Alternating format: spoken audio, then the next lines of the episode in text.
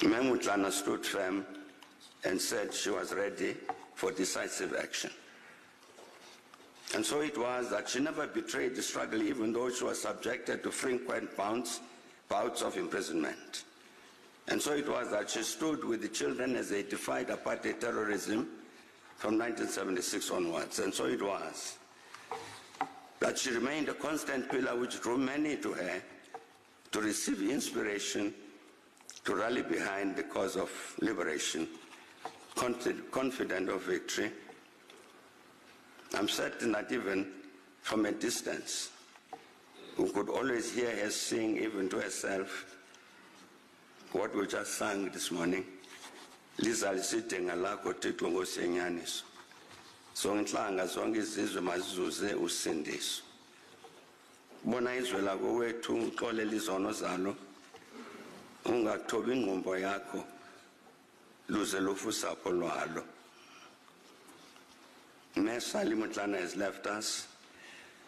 But such is the state of the nation that we too who live must repeat after her and Soga, bona izwe lakowethu uxolela izono zalo ungathobi ingqumbo yakho luze lufu usapho lwalo we say a fond farewell to an outstanding South African heroine, forever thankful for everything she did for our nation and country, confident that when, it, when it, it is time for the roll call to honor the heroes and heroines, her name will be among the first to be called. Truly to respect her, this I must say.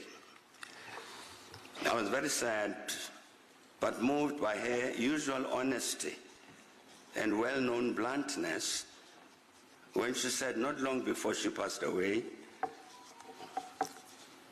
the ANC I knew has died. We must start anew and build it. And the ANC I knew was the ANC of Lutuli, of Mandela, of Robert Herscher. The official oration of the President on the solemn occasion of admission into the national orders, such as the Order of the Baobab, ends with his words, To them all, the living and the dead, on this day the nation says, Bayet.